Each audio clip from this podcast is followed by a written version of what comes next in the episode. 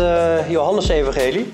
er zijn uh, vier evangeliën en het Johannes-evangelie uh, springt er op een andere manier uit dan de andere. Het heeft een bijzonder warm karakter. Het is ook iets anders van opzet dan de andere evangeliën. En als je kijkt naar Johannes zelf, dan proef je ook door het hele evangelie heen. Hij noemt zichzelf de discipel die Jezus liefhad. En uh, Johannes schrijft echt tot het hart. Die, die is echt uh, gefocust op de, de, liefde. Hij schrijft op een hele warme manier het evangelie. En uh, ja, dat maakt het zo bijzonder. Ik denk dat de kernboodschap, wat overal doorheen verweven zit, maar in Johannes 3 wel heel sterk naar, naar voren komt, is dat als iemand niet opnieuw geboren wordt, kan hij het koninkrijk van God niet zien. De allerbelangrijkste vraag die je moet stellen in je leven. Zal ik het koninkrijk van God zien? Ben ik opnieuw geboren? Dat is eigenlijk het enige wat telt. Als je straks voor de troon van God komt te staan, is dat het enige wat telt. Ben jij opnieuw geboren? Ken je Jezus als jouw redder? En ben je schoongewassen door het bloed van Christus en heb je je bekeerd? Een andere vraag doet er eigenlijk niet toe hoe groot je problemen misschien ook kunnen zijn. Maar dit is de allerbelangrijkste vraag die naar voren komt in het boek. Ik zou ook willen ja, oproepen eigenlijk, als je de Bijbelboeken nog niet kent, om gedurende deze periode dat we door het Johannes-evangelie gaan, om uh, de Bijbelboeken echt uit je hoofd te gaan leren.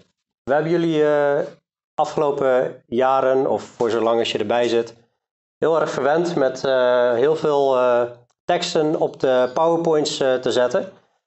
Maar het is ook heel goed om de Bijbelboeken te kennen. En dat we op een gegeven moment ook gewoon ze echt op gaan zoeken. En dan, leer je meer en meer je eigen Bijbel kennen. Nou, Calvary Chapel heeft een, een tool gemaakt hoe je dan makkelijker uh, ze kan leren. Goed, wij uh, hebben ze thuis gewoon gestampt met de kinderen. Dat kan ook. En met liedjes, die zijn er ook. Hè? Dus, dat, dus voor de liedjes moet je bij Anneke zijn. En uh, ja, het is gewoon goed, hè? ook als je de Bijbelboeken kent. Het is niet een eis die God stelt of zo, maar het is gewoon goed om ze te kennen. Dat je dan ook bewust wordt welke Bijbelboeken er zijn. En ook wel eens afgevraagd, oh, waar ging dat boek ook alweer uh, over? Nou, we hebben vier evangeliën. Je hebt het uh, Matthäus-evangelie. En uh, ieder evangelie heeft een, ja, zet eigenlijk Jezus neer op een um, ze hebben allemaal overeenkomsten, maar op wel een uniekere manier, zeg maar. Of in ieder geval zijn eigen uh, perspectief. Matthäus zet Jezus echt neer als de koning. Koning van de Joden, ook de Messias.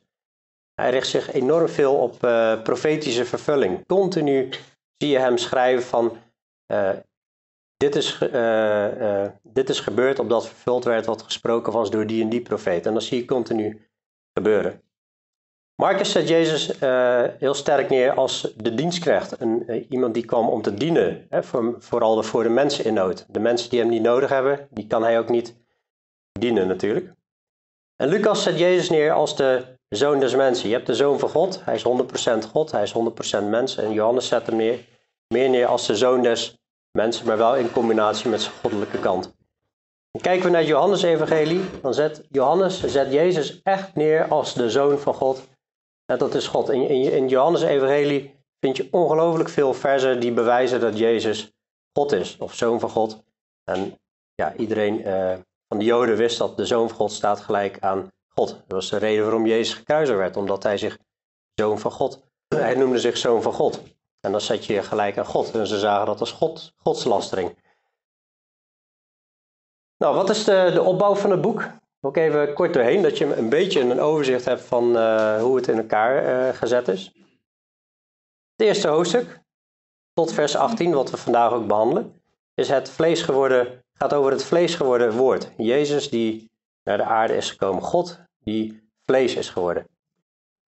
Dan hoofdstuk uh, eh, 1, vers 19 tot 12, vers 50. En dat gaat over de tekenen van de Messias. En hij begint daar ook al eh, te preken. Te preken.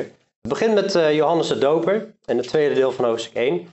En dan zien we Jezus' bediening onder Joden. we zien hem uh, actief onder Samaritanen en onder de heidenen. We zien ook de Joodse tegenstand van de Joodse leiders. En dat gaat gepaard met nog meer tekenen. Het laatste avondmaal zien we al in hoofdstuk uh, eh, 11. En nou, de heidenen zullen hem uiteindelijk ja, kruisigen, zeg maar, maar de Joden verwerpen de Messias. En daardoor ja, wordt Jezus uiteindelijk gekruisigd. Wat bijzonder is aan Johannes, is dat um, eigenlijk tot en met hoofdstuk 12, dat gaat over het, ja, de drie jaar van Jezus bediening. En dan gaan de, vanaf hoofdstuk 13 tot 21 gaat het over de laatste week van Jezus. Daar maakt hij een enorme uitzondering ten opzichte van de andere evangeliën, die alleen het laatste deel uh, schrijven over de laatste week van Jezus, zeg maar. Dus ongeveer de laatste kwart van het boek. En Johannes besteedt daar dus heel erg veel aandacht aan. En vooral in uh, besteedt hij veel aandacht aan wat Jezus allemaal gezegd heeft toen. Ja. Nou, we zien ja, dus de laatste, de laatste week hè, van, je, van Jezus. We zien zijn afscheidstoespraak en zijn, zijn leidersgeschiedenis in die uh, laatste week. En hij heeft enorm veel bemoedigingen uh, in, in, de, in die laatste, of in die afscheidstoespraak, zeg maar. over ik ben de weg, de waarheid en uh, leven. over dat hij heen gaat om een plaats te bereiden. Hij gaat een paar hoofdstukken lang uitleggen over de Heilige Geest. Over ik ben de ware wijnstok, hoe je ware blijdschap kan hebben, hoe je veel vrucht kan dragen. Hoe je eigenlijk van nutteloosheid, de mens is gewoon nutteloos zonder God. Klinkt hard, maar dat is gewoon uh, zo in Gods ogen. Tot een bruikbaar instrument kan worden voor God. En dan vanaf hoofdstuk 18 gaat het over Jezus lijden, over Jezus dood. Hoofdstuk 20 gaat over de opstanding en verschijningen. En hoofdstuk 20 op het eind, daar geeft hij ook aan wat het doel is van de brief. Heel vaak zet je in het begin van de brief wat het doel is, maar hij doet het op het eind. Hij zegt, deze dingen zijn beschreven opdat u gelooft dat Jezus de Christus is, de Zoon van God. En omdat u door te geloven het leven zult hebben in zijn naam. Hij wil echt dat je gelooft dat Jezus de Messias is, dat Jezus de Zoon van God is. En daar gaat hij zoveel over schrijven dat je er eigenlijk niet uh, omheen kan. En dat je door te geloven het leven zult hebben in zijn naam. En dan laatste hoofdstuk uh, leert Jezus de discipelen om vis te vangen en, en zien we wat de sleutelrol van uh, Petrus uh, gaat worden, wat we uiteindelijk in het boek Handelingen uitgewerkt zien. Hij maakt ook duidelijk dat hij geen compleet verslag schrijft. Hij zegt, als ik alles op had moeten schrijven, dan zou de wereld de hoeveelheid boeken niet kunnen bevatten. Als ik alles had moeten opschrijven wat Jezus heeft gedaan. Zegt, dan was de wereld, onze aardbol, was eigenlijk te klein om het aantal boeken te kunnen bevatten. Daarmee wil hij aangeven van ja, het is zo ongelooflijk bijzonder wat Jezus allemaal heeft gedaan. Een ander heel sterk aspect wat je terug ziet komen, ik heb je zelf ooit een preek over gegeven, daar komen die plaatjes vandaan, is het zeven, zevenvoudige ik ben. Jezus zegt zeven keer ik ben en dan uh, het brood, het licht en... En uh, de ik ben, heel veel geloven dat Jezus daar dat heel bewust zo zegt. Om, en leggen ook een link tussen uh, God die zich introduceert aan Mozes en, en, en zegt, hij noemt zijn naam en hij zegt, ik ben die ik ben. Dat is zijn naam. Ook zei hij, dit moet u tegen de Israëlieten zeggen, ik ben heeft mij naar u toegezonden.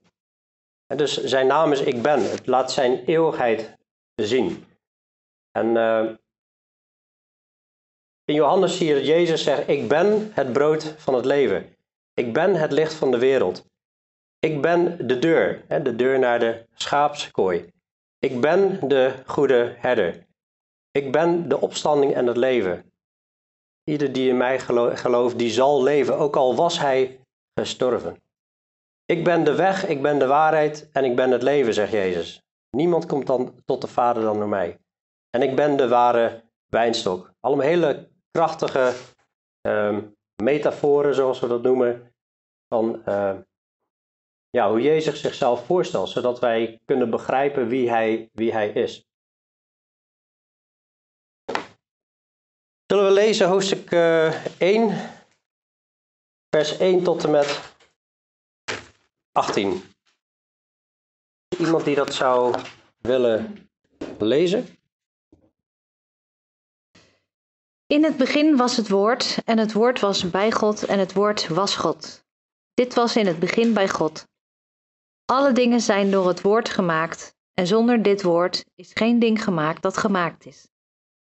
In het woord was het leven, en het leven was het licht van de mensen. En het licht schijnt in de duisternis, en de duisternis heeft het niet begrepen. Er was een mens door God gezonden, zijn naam was Johannes. Hij kwam tot een getuigenis, om van het licht te getuigen, opdat alle door hem geloven zouden.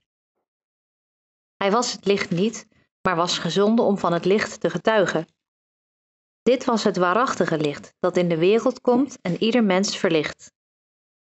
Hij was in de wereld en de wereld is door hem ontstaan en de wereld heeft hem niet gekend. Hij kwam tot het zijne, maar de zijne hebben hem niet aangenomen. Maar alle die hem aangenomen hebben, hun heeft hij macht gegeven kinderen van God te worden, namelijk die in zijn naam geloven. Die niet uit bloed, niet uit de wil van vlees en ook niet uit de wil van een man, maar uit God geboren zijn. En het woord is vlees geworden en heeft onder ons gewoond. En wij hebben zijn heerlijkheid gezien, een heerlijkheid als van de enige geborene van de Vader, vol van genade en waarheid. Johannes getuigt van hem en heeft geroepen: Hij was het van wie ik zei: Deze die na mij komt, is voor mij geworden, want hij was er eerder dan ik. En uit zijn volheid hebben wij allen ontvangen, en wel genade op genade. Want de wet is door Mozes gegeven, de genade en de waarheid zijn er door Jezus Christus gekomen. Niemand heeft ooit God gezien. De enige geboren zoon, die in de schoot van de Vader is, die heeft hem ons verklaard. Ja, we zien uh, een beetje een uh, cryptische zin, gelijk in vers 1. In het begin was het woord en het woord was bij God en het woord was God. Dit was in het begin bij God. Alle dingen zijn door het woord gemaakt en zonder dit woord is geen ding gemaakt dat gemaakt is.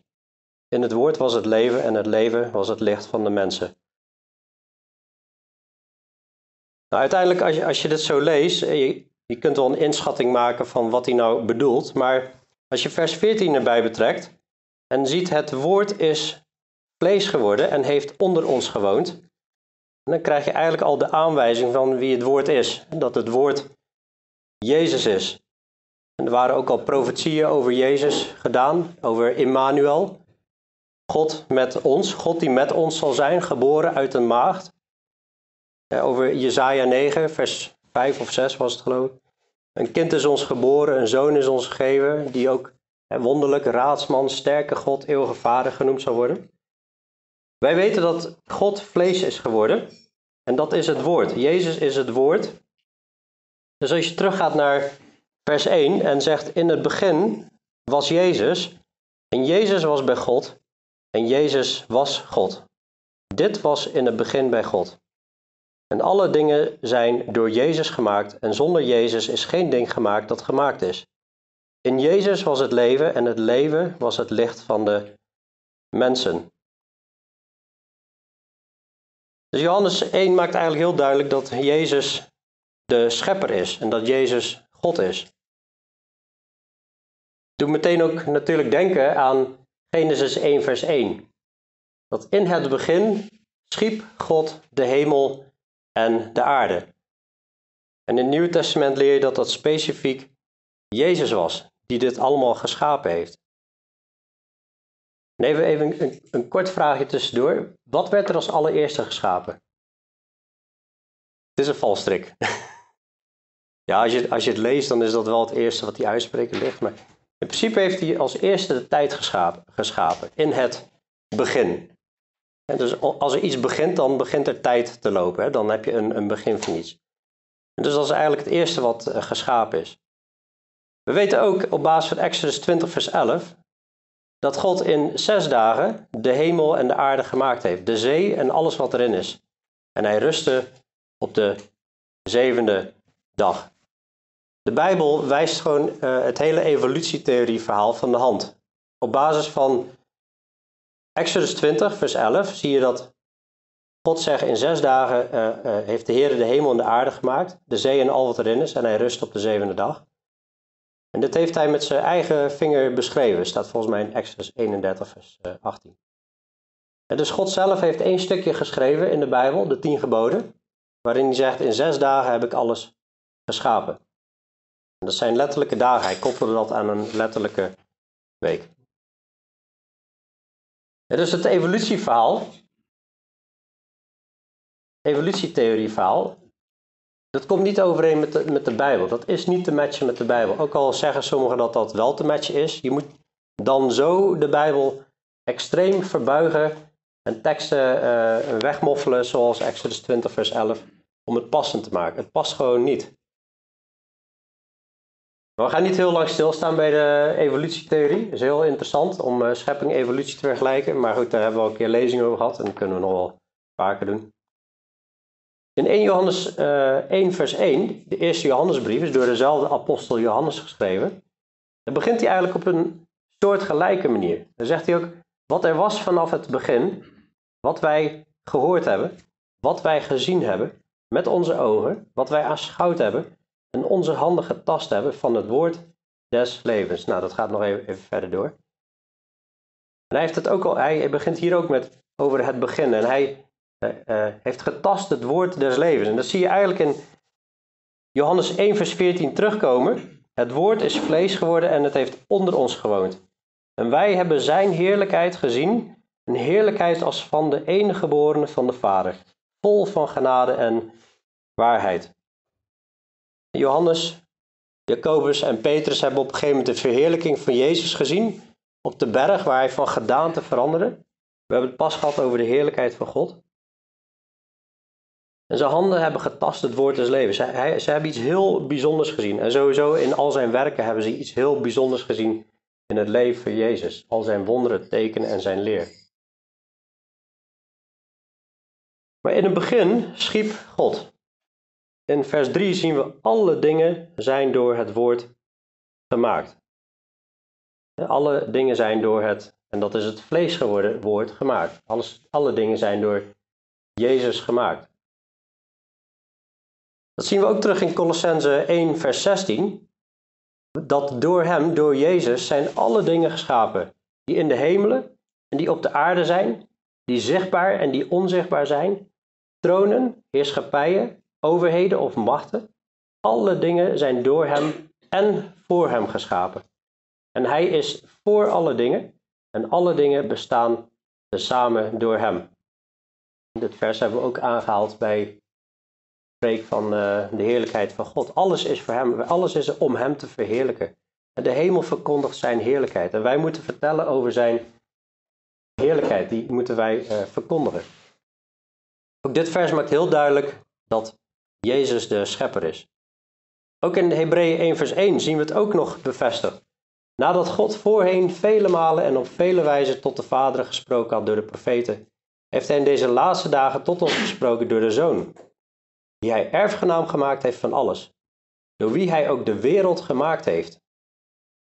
Hij die de afstraling van Gods heerlijkheid is en de afdruk van zijn zelfstandigheid, die alle dingen draagt door zijn krachtig woord. Dus hij is eigenlijk, als wij Jezus zien en hem bestuderen, dan is hij de afstraling van Gods heerlijkheid. Hij laat iets zien van wie God is. Hij is zelf natuurlijk ook God, maar hij is de zichtbare God. En hij is de afdruk van zijn zelfstandigheid. Je zou het kunnen vergelijken met een, een beeld, een beeld van zijn zelfstandigheid. Als ik hier een, uh, een, een, foto zou maken van mezelf, heb je een, een beeld van. En het beeld, hè, dat, dat ben ik dan, maar uh, toch ben ik het niet, zeg maar. Maar je krijgt een beeld van wie ik ben. Zo is Jezus een beeld, een afdruk van de Vader, zeg maar. Die alle dingen draagt door zijn krachtig woord. Dat is eigenlijk best wel bizar als je erover nadenkt, denkt, dat Jezus alle dingen, dat is een continu ongoing process, dat hij alle dingen draagt door zijn krachtig woord. He holds all things together by his powerful word. Dat betekent dat de stoel waar ik op zit, deze verdiepingvloer en uh, alles wat wij om ons heen hebben, al die materie en die krachten, dat wordt samengehouden door zijn krachtige woord. het moment dat hij dat los zou laten, dan valt alles uh, in elkaar, geloof ik. Het is Jezus die alles samenhoudt. En hij heeft, nadat hij de reiniging van onze zonde door zichzelf tot stand had gebracht, zich gezet aan de rechterhand van de majesteit in de hoogste hemelen. Jezus heeft echt de meest hoogverheven positie. We hebben laatst met die preek over de heerlijkheid van God heel even gekeken naar de uh, schepping. En uh, ik zou dat nog heel even willen doen. Gewoon om, om even onder de indruk te komen van wat hij allemaal gemaakt heeft. Want alles wat gemaakt is, daarin zien we een stukje terug van zijn werken en een stukje van zijn heerlijkheid. Zijn eeuwige kracht en goddelijkheid wordt in de schepping gezien. Nou, volgens mij zijn het 150 foto's of zo, maar ik denk dat het weer een hele goede indruk geeft van uh, hoe bijzonder indrukwekkend de schepping is. En hoe bijzonder indrukwekkend de God dan is, die achter die schepping zit. Het is gewoon te bizar voor woorden. Als je kijkt wat er allemaal om ons heen gemaakt is, hoe knap dat in elkaar zit. En dat is uh, waarvan de Bijbel zegt, alle dingen zijn door het woord gemaakt. En zonder dit woord is geen ding gemaakt dat gemaakt is. Dat zien we in Johannes 1, vers 3. Wat ik ook bijzonder vind in, in, in dit verhaal, is dat je ziet dat alles is begonnen met het woord. Alles is begonnen met het woord van God. Al het leven begint bij het woord van God. Dat is niet alleen voor het fysieke leven, maar dat, is ook voor het, dat geldt ook voor het geestelijke leven. Het geestelijke leven begint ook bij het woord van God. Dat zien we letterlijk in 1 Petrus 1, vers 21. Daar staat: Door Jezus gelooft u in God, die hem opgewekt heeft uit de doden en hem heerlijkheid gegeven heeft, zodat uw geloof en hoop op God gericht zijn. Nu u dan uw zielen gereinigd hebt in de gehoorzaamheid aan de waarheid, door de geest, tot ongeveinsde broederliefde, heb elkaar vurig lief uit een rein hart. U, die opnieuw geboren bent, niet uit vergankelijk, maar uit onvergankelijk zaad, door het levende en eeuwig blijvende woord van God. Wij zijn opnieuw geboren door onvergankelijk zaad, door het levende en eeuwig blijvende woord van God. En dus God schiep met zijn woord het fysieke leven, maar ook het geestelijke leven. Zie je ook in de gelijkenis van de zaaier terug. Hè? De, zaaier die zaait en er is maar één hart met goede grond. En daar kan het zaadje ontkiemen. God heeft een zaadje in ons gelegd. En natuurlijk heeft onze wil daarin meegewerkt. Maar God heeft het werk gedaan. En dat is een mooie, mooie toepassing wat we ook zien. En dus naast dat het woord het fysiek heeft gemaakt, heeft ook het geestelijke tot leven geroepen. Als je kijkt naar het, uh, het woord, en dan zien we eigenlijk in, in, in dit hoofdstuk en in meerdere plekken, zien we eigenlijk zeven kenmerken van het woord. Jezus is het eeuwige woord. Dat zien we in vers 1. Het woord was God. God is eeuwig. Het woord is er altijd al geweest. Het woord is ook fysiek God. Jezus is ook het, scheppende woord. Door zijn woord wordt het net al hè, in het uh, God zei er zij licht. En op het moment dat hij spreekt, dan komt er met gigantische snelheid, komt als het ware dat licht uit zijn mond. Dan is er gewoon licht. Hij is ook het vlees geworden woord. Dus dat woord is ook fysiek hier op aarde geweest en heeft rondgelopen, heeft de boodschap van God verkondigd. Jezus is ook de Alpha en de Omega. Dat zijn de letters van het alfabet. Dat betekent het begin en het einde. En dus de Alpha en Omega, dat is dus de eerste en late letter van het Griekse alfabet. Woorden bestaan uit letters. Hij, hij, hij is allesomvattend. Het begin en het eind. En dan zien we ook in vers uh, eh, 4 en 5 in het woord was het leven en het leven was het licht van de mensen. Het licht schijnt in de duisternis en de duisternis heeft het niet begrepen. In, in dat woord, in Jezus, is het leven. Hij heeft het fysieke leven gegeven, maar hij is ook degene die het eeuwige leven geeft. En het leven is het licht van de mensen. Dus het woord is ook licht. Het is leven en het is licht. En dit vers staat weliswaar niet in, in uh, Johannes, maar is een prachtig vers in, in Jezaja. heeft misschien een andere uh, toepassing waar God op doelde, maar het is ook waarheid. Dan zegt, zegt hij dat het woord wat uit, van God afkomt, Gods woord, keert niet vruchteloos tot hem terug. Maar het doet waar het toe bestemd, het doet waar het toe bestemd is. Het zal doen wat hem behaagt en het zal voorspoedig zijn in hetgeen waartoe hij het zendt. En dan zien we ook bij Jezus, die is uitgezonden. Het woord is uitgezonden en heeft, het heeft gedaan waar het toe bestemd is. Het ging eigenlijk de vrucht halen voor God de Vader, tot de heerlijkheid van de Vader. Hij ging de vrucht halen. Wat eigenlijk al die profeten al hebben geprobeerd.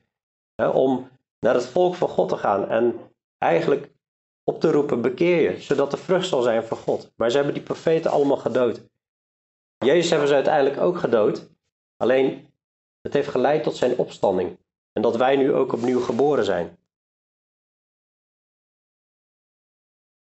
In vers 4 wordt dus ook het licht geïntroduceerd. In het woord was het leven en het leven was het licht van de mensen.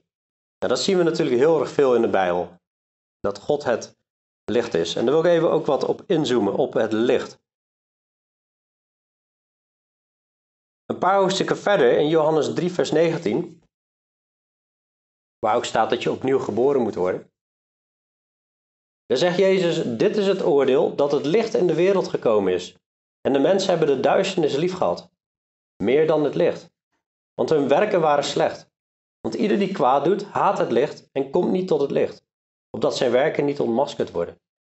Maar wie de waarheid doet, komt tot het licht, opdat van zijn werken openbaar wordt dat ze in God gedaan zijn. We zien dat het licht ook gekoppeld is aan waarheid. We zien dat het licht gekoppeld is aan uh, goede uh, werken doen. Het licht schijnt in de wereld, maar mensen hebben de duisternis lief. Die hebben de begeerte lief, de zonde lief, meer dan het licht. Hun werken waren slecht. Ieder die kwaad doet, haat het licht en komt niet tot het licht.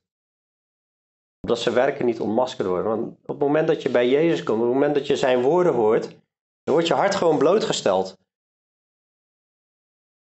Maar wie de waarheid doet, wie uit God geboren zijn, die zijn ook uit de waarheid. Die komen tot het licht, omdat ze het licht lief hebben, omdat ze God lief hebben, omdat ze Jezus lief hebben. Omdat ze willen weten wat waarheid is en willen weten wat zonde is en daarvan bewust zijn en dan zich bekeren en vergeving vragen. Dus wie de waarheid doet, komt tot het licht, opdat van zijn werken openbaar wordt dat ze in God gedaan zijn. In 2 Korinthe 4, vers 6, echt een zo'n mooi vers. Daar staat, want God, die gezegd heeft dat het licht uit de duisternis zou schijnen, is ook degene die in onze harten geschenen heeft, tot verlichting met de kennis van de heerlijkheid van God in het aangezicht van Jezus Christus. God die ooit zei, er zij licht. Jezus zei uiteindelijk, er zij licht.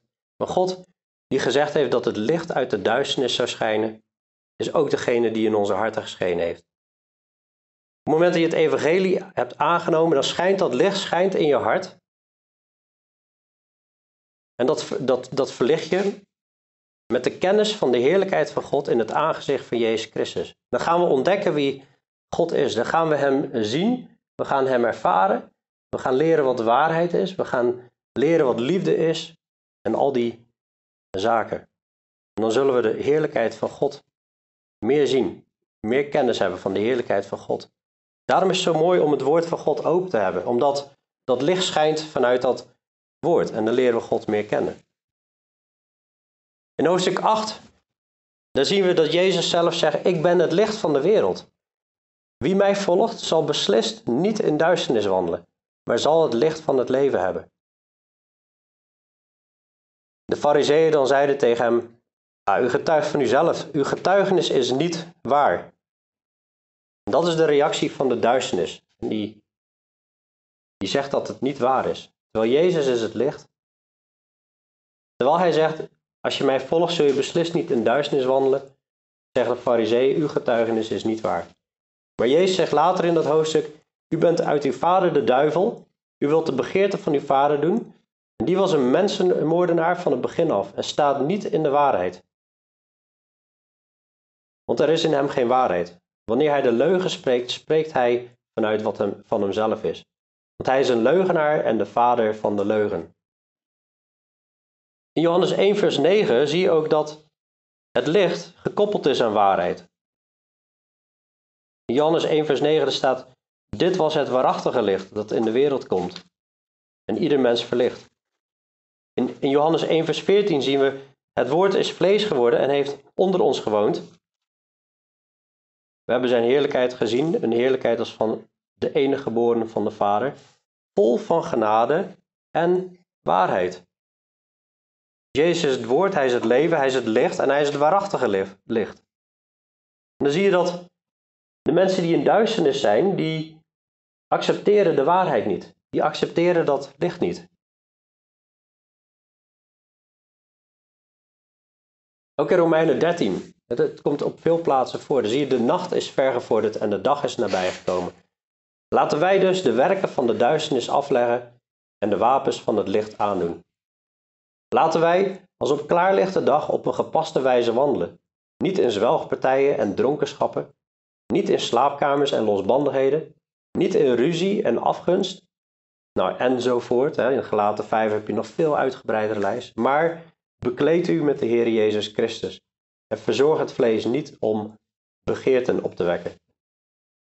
Dus werken van de duisternis afleggen en wapens van het licht aandoen. Wandelen in het licht en weg van de duisternis. Ook in Efeze 6 zie je eigenlijk ditzelfde verhaal. Een soort gelijk verhaal. Bekleed u met de hele wapenrusting van God, opdat u stand kunt houden tegen de listige verleiding van de duivel. Want wij bestrijden niet tegen vlees en bloed, maar tegen de overheden, tegen de machten, tegen de wereldbeheersers van de duisternis. Dus de tegenpartij van het licht, Satan met zijn handlangers, zijn de wereldbeheersers van de duisternis van de tijdperk. We hebben de strijd tegen geestelijke machten van het kwaad in de hemelse gewesten. En dan moeten we ons bekleden met de wapenrusting, en dat staat dan in detail uitgelegd in het hoofdstuk. En waar begint het mee? Omgorden met de riem van de waarheid. Het licht is gekoppeld aan waarheid, het waarachtige licht. En Jezus is de weg, de waarheid en het leven. En het leven is dat licht.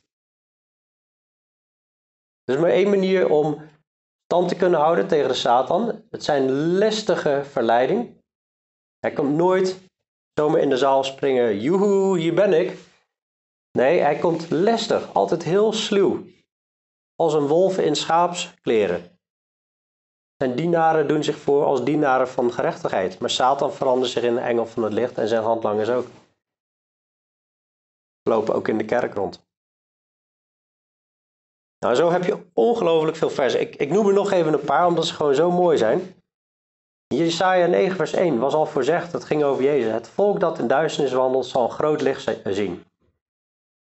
In Colossense 1 vers 13 staat dat we zijn getrokken uit de duisternis en overgezet in het koninkrijk van de Zoon van de liefde. 2 Korinthe 6 vers 14 zien we dat duisternis en licht heeft niets gemeen. Het zijn twee tegenpolen. Het kan niet licht en donker zijn tegelijkertijd. Dus we moeten geen ongelijk juk met de ongelovigen aantrekken. Vriendschap met de wereld is vijandschap met God, zegt Jacobus. En dat gaat niet samen. In ieder geval hun werken lief hebben. Natuurlijk eh, mogen we liefde tonen voor onze buren enzovoort. Vaak wordt dit ook aangehaald voor het huwelijk. Doe het niet. Ga niet met een ongelovige trouwen. Het werkt niet. Je hebt gewoon niets gemeen. Onno heeft zondag gepreekt over het huwelijk en een stukje uit Efeze 5 gehaald. Maar eigenlijk gaat heel Efeze 5 over wandelen als kinderen van het licht, waarvan het huwelijk daar een onderdeel van is. Dus een stukje hemel op aarde creëren. In Matthäus 5 vers 14 zien we dat wij zijn ook het licht van de wereld. Jezus is natuurlijk het licht, heeft het licht laten schijnen in onze harten. En nu zijn wij, hij sprak hier wel tegen de Joden, maar dit mogen ook toepassen op onszelf. U bent het licht van de wereld. Laat uw licht zo schijnen voor de mensen, dat zij uw goede werken zien en uw Vader, die in de hemel is, verheerlijken. Dat, dat licht, dat legt hij ook nog uit, dat moet, je, dat moet je op een berg zetten. Dat moet je niet verbergen. Laat uw licht zo schijnen voor de mensen, gekoppeld aan goede werken doen. Dus werken van de duisternis, hè, dat is in begeerte en zonde wandelen. Werken van het licht, dat is je licht laten schijnen. Het opengaan van uw woorden, zegt de psalmist al, het opengaan van uw woorden geeft licht. Het schenkt eenvoudige inzicht. Het heeft niks met intellect te maken. Op het moment dat je Gods woord opent, geeft het licht. En is iedereen in staat om het licht te zien en inzicht te krijgen. Ook een heel bekend vers. Uw woord is een lamp voor mijn voet en een licht op mijn pad. Er zijn zoveel bemoedigingsversen die ons die, die gekoppeld zijn met het uh, metafoor licht. Dus vers 4, in het woord was het leven en het leven was het licht van de mensen. Het licht schijnt in de duisternis en de duisternis heeft het niet begrepen. Kun je ook vertalen als hij heeft het niet gegrepen. Die kon het niet onderscheiden. En waarom willen ze niet onderscheiden? Dat legt Romeinen 1 vers 18 uit. Ze hebben de waarheid in ongerechtigheid onderdrukt. Ze hebben zo de zonde lief, zo die begeerte lief, dat ze het niet grijpen, niet willen grijpen. En dan komt er een, een mens, een mens was door God gezonden, vers 6, en zijn naam was Johannes. Dit is niet Johannes de schrijver, maar dit gaat over Johannes de doper. Dan gaan we in vers 19, de volgende keer gaan we daar verder op in, op het verhaal van Johannes de doper. Johannes de doper was al voorzegd dat hij zou komen in Malachi 3 vers 1. De vervulling zien we in Marcus 1 vers 2 en 3. Daar kunnen we het volgende keer over hebben. Maar hij, Johannes de doper, hij kwam tot een getuigenis om van het licht te getuigen opdat allen door hem geloven zouden. Zoals wij nu eigenlijk terugwijzen naar Jezus, dat, dat, dat je hem aan moet nemen. Zoals Johannes, de laatste profeet voor Jezus, die zijn weg bereidde. Die ook riep toen Jezus aankwam, zie het lam van God, wat de zonde van de wereld wegneemt. Hij kwam tot een getuigenis, hij was een getuige. Alsof je in de rechtszaal staat en er is een getuige die zegt: Dit is hem, dit is de zoon van God. Hij kwam om van het licht te getuigen, opdat allen door hem geloven zouden. Duizenden mensen trokken erop uit om naar Johannes de Doper te luisteren. Maar hij was het licht niet, maar was gezonden om van het licht te getuigen. Vers 8. Dit was het waarachtige licht, dat in de wereld komt en ieder mens verlicht. We ook al kort genoemd, het waarachtige licht, dat het licht gekoppeld is aan waarheid.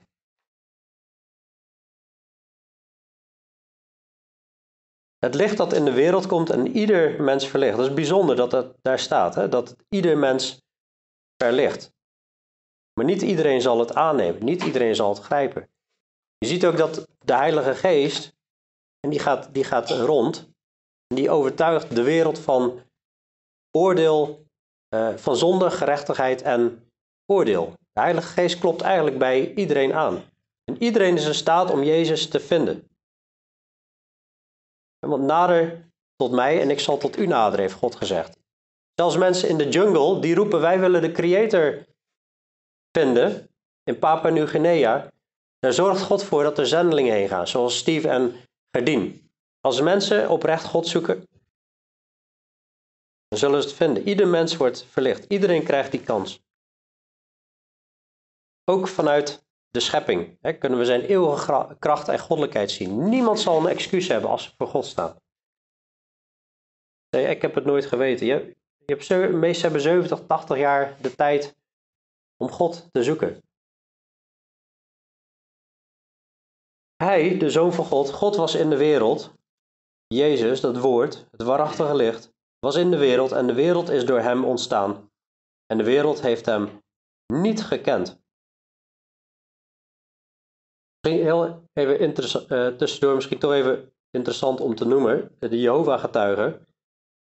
Um, dat zijn echt meester leugenaars en meester in het verdraaien van Gods woord. Die hebben toegevoegd aan Johannes 1, vers 1. In het begin was het woord en het woord was bij God en het woord was een God. Dat staat niet in de grondtekst.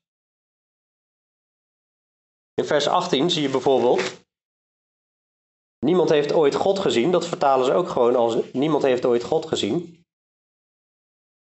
En dus het, ene, het is exact hetzelfde woord, vertalen ze de ene keer met God en de andere keer met een God. Dus het is inconsistent. Ze hebben hun eigen interpretatie. Ook dat vers wat we net zagen, Colossense 1, vers 16, waarin staat dat alle dingen door Jezus gemaakt zijn, voegen ze gewoon toe. Alle andere dingen zijn door Jezus gemaakt. Andere staat niet in de grondtekst. Voegen zij toe om te passen aan hun theologie. Zo ook vers 10, dan zeggen ze, hij was in de wereld en de wereld is door bemiddeling door hem ontstaan. Staat gewoon niet in de grondteksten.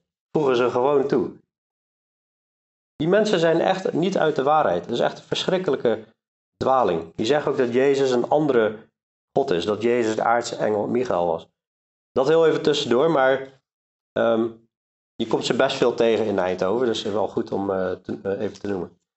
Hij was in de wereld en de wereld is door hem ontstaan en de wereld heeft hem niet gekend. Hoe bizar is dat, dat hij de wereld gemaakt heeft? Hij heeft al die mensen gemaakt. Hij heeft ze adem gegeven en een hart en voeten en handen en hersenen. En hij komt bij ze, hij wordt vlees. God wordt vlees. Hij wandelt onder de mensen. En je wordt gewoon totaal genegeerd. Door je eigen schepping. Als je daarover nadenkt, denk je, het is echt bizar. En vooral zijn eigen volk. Want hij kwam tot het zijne. En de wereld heeft hem niet gekend, dat is algemeen. Maar hij kwam tot het zijne. Dat gaat over Israël. Matthäus 23 spreekt Jezus uit van Jeruzalem, Jeruzalem.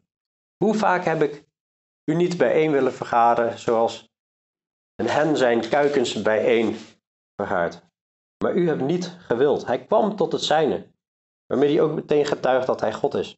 Want God was het die de profeten zond. En Jezus zegt, ik heb de profeten naar je toe willen zenden. Hij kwam tot het zijne, maar de zijnen hebben hem niet aangenomen. We hebben ook in, in, in Daniel gezien, in Daniel 9, toen het ging over de jaarweken,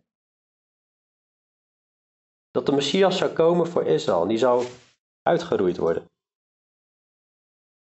Dan gaat het in vers 12 verder, maar allen die hem aangenomen hebben, hun heeft hij macht gegeven kinderen van God te worden, namelijk die in zijn naam geloven. Hier heb je meteen eigenlijk uh, het evangelie, dat we Jezus moeten aannemen en aannemen betekent, betekent hem als Heer erkennen, waardoor wij dus automatisch dienaren worden van hem. Hem aannemen. En op het moment dat je dat doet, geeft hij macht om een kind van God te worden. Namelijk die in zijn naam geloven. Dit vers laat dus ook zien dat niet iedereen een kind van God is. Niet iedereen is een kind van God. Er zijn christenen die dat leren, dat ieder mens een kind van God is, maar dat gaat echt tegen de Bijbel in. Alleen degene die hem aangenomen hebben, die heeft hij macht gegeven om kinderen van God te worden. Namelijk die in zijn naam geloven. Vers 13, die niet uit bloed, niet uit de wil van vlees en ook niet uit de wil van de man, maar uit God geboren zijn. We zijn gered uit genade door het geloof, niet uit onze werken, zodat niemand zou roemen. Niet uit ons bloed, niet omdat wij het zo graag wilden, ook niet uit de wil van een, een man, maar dat wil niet zeggen dat wij geen wil hebben. God werkt de wil in ons en wij moeten daar nog steeds op reageren. Maar we zijn uit God geboren. Uit dat onvergankelijke woord zijn wij geboren. Nou, vers 14 hebben we ook al bij stilgestaan. Het woord is vlees geworden. Het heeft onder ons gewoond. En we hebben zijn heerlijkheid gezien. Een heerlijkheid van de enige geboren van de Vader. Vol van genade en waarheid. Het is zo bijzonder, die genade die God heeft getoond. We kennen het eh, eh, bekende vers van jou.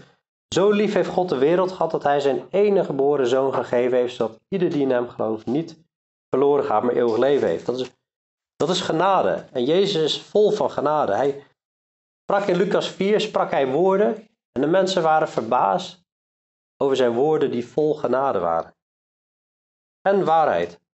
Het is de enige plek waarvan we kunnen zeggen in de hele wereld, hier de Bijbel, Gods woord en de woorden van Jezus, dit is waarheid. Overal in de wereld moet je, wat er ook gesproken wordt, moet je altijd, heb je altijd de vraag, is dit waar?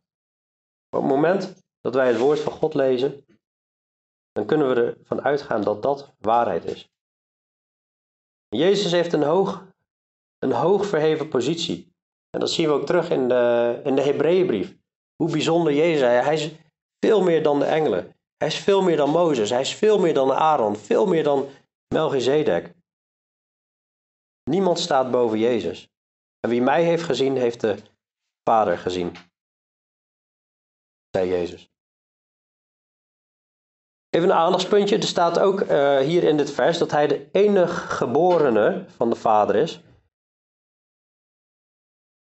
Daar kun je ook discussies over krijgen met Jehovah getuigen. Maar je kunt dat ook gewoon vertalen als uh, de enige. Het komt van het woord. Uh, even kijken, van het woord monogenes. En dat kun je vertalen als de enige. In, in de HSV Studiebijbel staat er ook een, uh, een toelichting bij. Het is niet dat Jezus ooit geboren is, ooit in het, in, voordat uh, de hemel en de aarde geschapen werden. Hij is altijd uh, bij de drie eenheid geweest, de Vader, Zoon en de Heilige Geest. Hij is natuurlijk wel geboren uit de maagd Maria. En ook uh, de opstanding uit de doden wordt vaak ook genoemd de geboorte. Hij is de eerstgeborene van de doden, eerstgeborene van de nieuwe schepping. Maar goed, hoe dan ook, het is ook als uh, enige uh, te vertalen. Er is maar één zoon van God. Uh, sommigen zeggen wel, ja, maar we zijn allemaal zonen van God. Ja, we zijn wel allemaal kinderen van God, maar er is maar één unieke zoon hè, die ook God is, zeg maar. En Johannes, vers 15, die getuigt van hem en heeft geroepen, hij was het van wie ik zei, hij die na mij komt is voor mij de statenvertaling vertaalt dat als hij is voor mij geworden. De MBG die zegt hij is voor mij geweest. Lijkt mij dat dat meer klopt, want Jezus is niet ooit een keer in wording gekomen. Ook de King James, uh, King James, de ESV, de Amplified Bible, die hebben allemaal andere vertalingen dan geworden. Hij is altijd al geweest en hij was er eerder dan ik. Het is best wel bizar wat Johannes de Doper eigenlijk zegt over iemand van ja, hij die na mij komt, er komt iemand na mij. Ze scheelde geloof ik een half jaar of zo. De moeders waren tegelijkertijd uh, zwanger. Johannes was de neef van, uh, van Jezus. Hij komt na hem. En zijn publieke optreden, het publieke optreden van Jezus komt nog. En tegelijkertijd is hij ervoor al geweest. Hij was er eerder dan ik. Nou, er zijn maar weinig mensen die uh, komen en daarvoor ook al geweest waren. Dan moet er wel iets heel bijzonders aan de hand zijn. Dat getuigt ook weer van zijn goddelijkheid. En uit zijn volheid, vers 16, hebben wij allen ontvangen en wel genade op genade. Het is zo bijzonder dat God zijn hand heeft uitgestrekt naar ons. Als je beseft, je begint de Bijbel te lezen en je leest in Genesis 6 al dat bijna de hele mensheid weggevaagd is. Op een gezin van acht na. Het is genade. Het zijn de goede tierenheden van de Heer dat we niet allemaal omgekomen zijn, staat er in het Oude Testament. Het is genade dat we hier nog zijn. En genade op genade krijgen we dat we ook nog zien dat God zijn zoon naar de wereld stuurt. En dat God naar de aarde komt. Want de, de wet is door Mozes gegeven en de genade en de waarheid zijn er door Jezus Christus gekomen. Niemand heeft ooit God gezien. De enige geboren zoon die in de schoot van de Vader is, die heeft hem ons verklaard. Nou, waarom haalt hij nu de wet is door Mozes gegeven aan en de genade en de waarheid zijn er door Jezus Christus gekomen? Was het dan niet waar wat Mozes zei? Het was natuurlijk wel waar wat Mozes zei, want Mozes heeft de woorden van God gekregen. Maar we lezen ook in de Romeinenbrief dat de wet is gegeven en de wet maakt eigenlijk openbaar wat de status is van de mens. Dit, dit legt de lat van God, zeg maar. En daar lezen we in, oh, er is maar één God. Je zult geen andere goden voor me hebben. Dan lezen we in het Nieuwe Testament, oh, dat de liefde voor geld is ook een afgod, de mammon. Oh, hebzucht, dat is ook een afgod. Ik, ik, ik. hebben we denk ik allemaal last van. Niet liegen, niet stelen, niet begeren. Als we dat zien, dan zien we dat we allemaal schuldig zijn. Dat is wat de Romeinenbrief eigenlijk uitlegt. De wet is eigenlijk niks meer dan een soort thermometer. Het, laat eigenlijk alleen maar zien hoe ernstig het gesteld is met de mens. Met de een nog extremer dan de ander, maar allemaal zijn ze zondaren. Het komt ook niet voor in de Bijbel dat als je meer goed doet dan slecht, dat je dan wel in de hemel komt. Alle hebben gezondigd en missen de heerlijkheid van God. En het loon van de zonde is de dood. Op het moment dat wij in die wet kijken, dan zien we de dood. Dan zien we onze persoonlijke situatie en dan zien we, wij zijn geestelijk dood. Daarom moet je opnieuw geboren worden.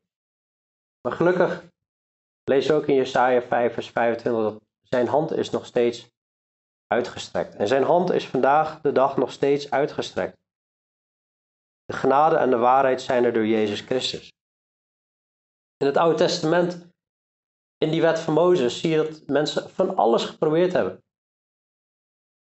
Maar niemand kon die wet houden. Als je ook maar in één struikelde, was je schuldig in alle. Adam had gezondigd en die probeerde zijn zonde te bedekken met bladeren. Kain, die had ook zo zijn eigen religieuze ideeën.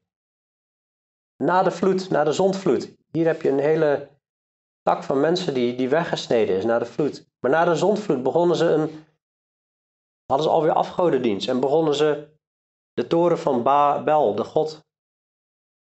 Babel, Bel komt van Baal. Begonnen ze weer een toren te bouwen eh, om, om, om te proberen te komen tot de hemel. Maar het brengt allemaal, het brengt ons niet bij God. Er is maar één weg naar God. En dat is Jezus Christus. Door Hem word je gerechtvaardigd, door het geloof. En dan heb je vrede bij God. Wat de wet eigenlijk laat zien is dat we schuldig zijn. Het is eigenlijk een schuldbewijs. Hè? Dat we debet staan bij God, dat we moeten dokken. Hele lijst met zonden. Mij is het een hele grote lijst. Ik denk dat we allemaal een flinke lijst hebben. En we, hadden allemaal zo'n schuldbewijs. En, iedere houder van dit bewijs, die moet betalen. En die moet, die moet betalen met de eeuwige dood. Het loon van de zonde is de dood. In openbaring 20 zien we dat de boeken worden geopend bij het oordeel. En dan is er de eeuwige dood in de poel van vuur. Maar dan komt Jezus vol van genade en waarheid. Die, die annuleert die complete schuld. En die zegt: Het is volledig betaald. Ik betaal jullie zonde. Ik betaal jullie oordeel. Ik ga sterven aan het kruis. Ik ga mijn leven geven. Ik, die het leven ben. Ik, die de waarheid ben. Ik, die het licht van de wereld ben. Ik geef mijn leven zagen ook dat het duisternis werd midden op de dag toen Jezus aan het kruis hing. En door dat offer ontvingen we gerechtigheid. Gerechtigheid van Jezus. Het loon van de zonde is de dood, maar de genadegave van God is het eeuwig leven door Jezus Christus, onze Heer. Niemand heeft ooit God gezien, vers 18. Sommigen hebben de, Mozes heeft de afterglow gezien, ze hebben misschien Jezus gezien, maar de enige geboren zoon die in de schoot van de Vader is, die heeft hem ons verklaard. Johannes die verspilt geen woorden van, oh uh, ja, er was een uh, maagd zwanger en dit en dat. Nee, het is echt, boem, meteen naar Jezus. Meteen naar het woord. Dat God met ons is geweest en God is nog steeds met ons, want Jezus is er niet meer, maar hij heeft zijn geest uitgestort in ons hart. Dat is een prachtige boodschap. En daarmee uh, ja, komen we op het eind tot, uh, van uh, het eerste stukje van Johannes.